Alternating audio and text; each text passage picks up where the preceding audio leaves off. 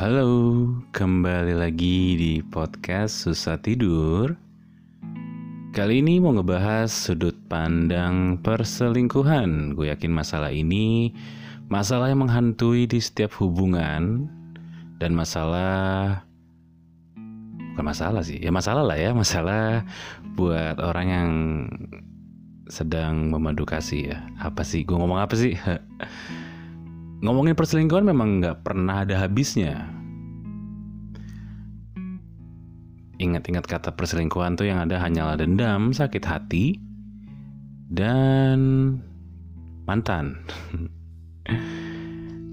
gue mau ngasih sedikit mindset tentang perselingkuhan ya. Perselingkuhan menurut gue adalah uh, ya itu ya pengkhianatan. Tapi mungkin sudut pandangnya adalah dari sisi mana kita melihat perselingkuhan. Kadang-kadang gue yakin orang-orang yang pernah diselingkuhi itu akan akan menyalahkan pasangan atau selingkuhan pasangannya karena merusak harapan hubu, uh, atau merusak hubungan gitu kan. Tapi di sini gue punya sudut pandang sudut pandang yang lain. Sudut pandang gue adalah di sini gue menyalahkan diri gue sendiri. Kenapa? Karena ya kita salah menaruh atau memberikan kepercayaan kepada orang yang tepat gitu loh.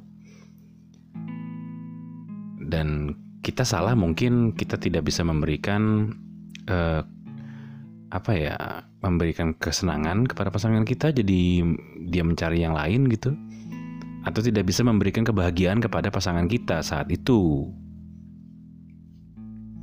Jadi intinya saat kita bisa merelakan dan saat kita bisa tahu nih, oh kenapa pasangan kita selingkuh, yang harus kita salahkan pertama kali adalah diri kita sih sebenarnya. Kenapa? Ya agar kita nggak sakit hati terlalu dalam gitu. Tapi mindsetnya adalah memang kita yang salah kan. Tadi kan kayak satu yang pertama nih gulang ya. Yang pertama adalah ya kita salah menaruh harapan kepada orang yang yang yang tepat gitu loh.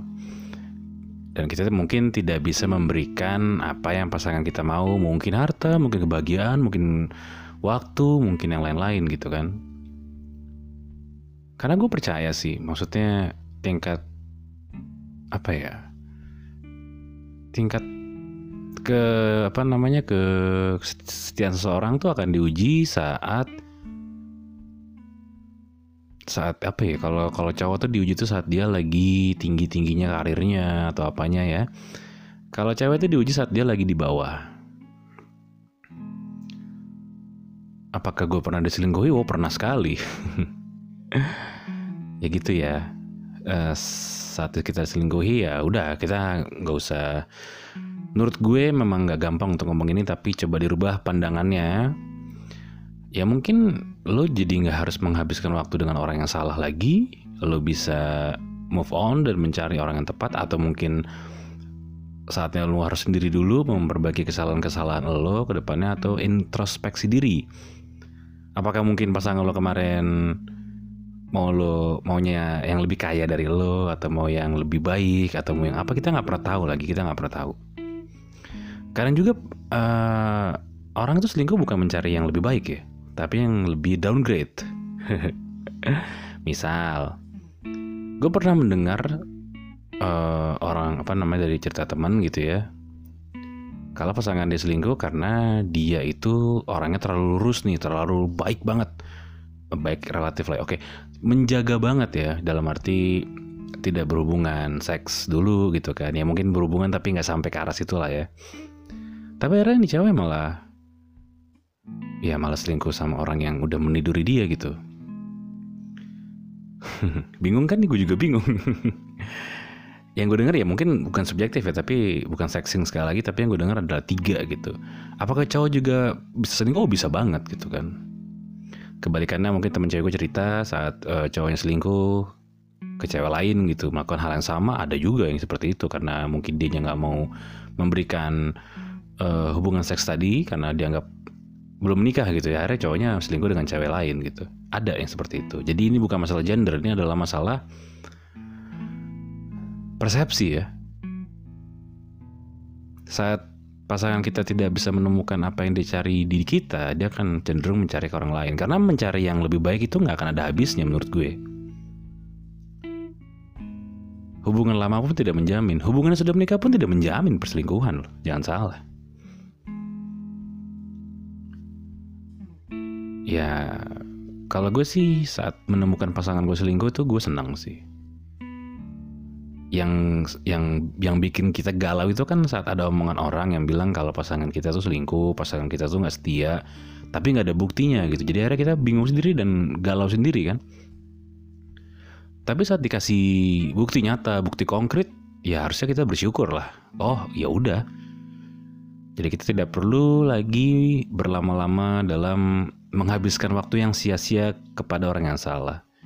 Dan jangan pernah membenci orang atau mantan lo yang yang selingkuh melakukan selingkuh ya. At the end, gue selalu berpikiran yang salah adalah di gue, di diri kita yang salah.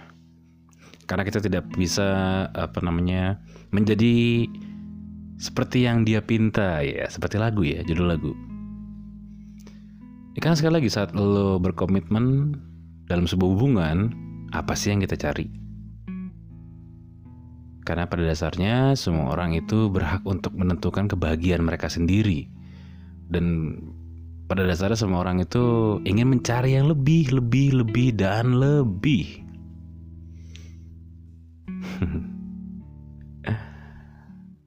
ya, seperti itulah suatu hubungan ya. Kalau memang kalian tidak siap untuk sakit hati, mendingan jangan memulai suatu hubungan.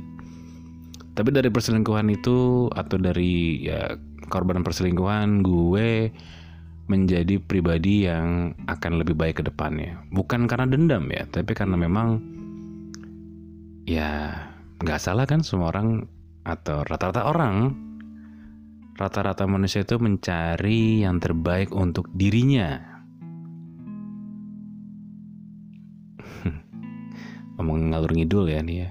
Ya karena seperti seperti biasa ya, susah-susah tidur kita buka aplikasi podcast dan nyalakan mic dan bersuara. Oke, terima kasih sudah mendengarkan podcast ini. Semoga bisa membantu kalian dalam meredakan sedikit uh, kegalauan yang bikin masalah kalian, yang bikin kalian tidak bisa tidur. Akhir kata gue Ardi, sampai ketemu di pertemuan selanjutnya. Selamat malam, pagi, siang, dan sore.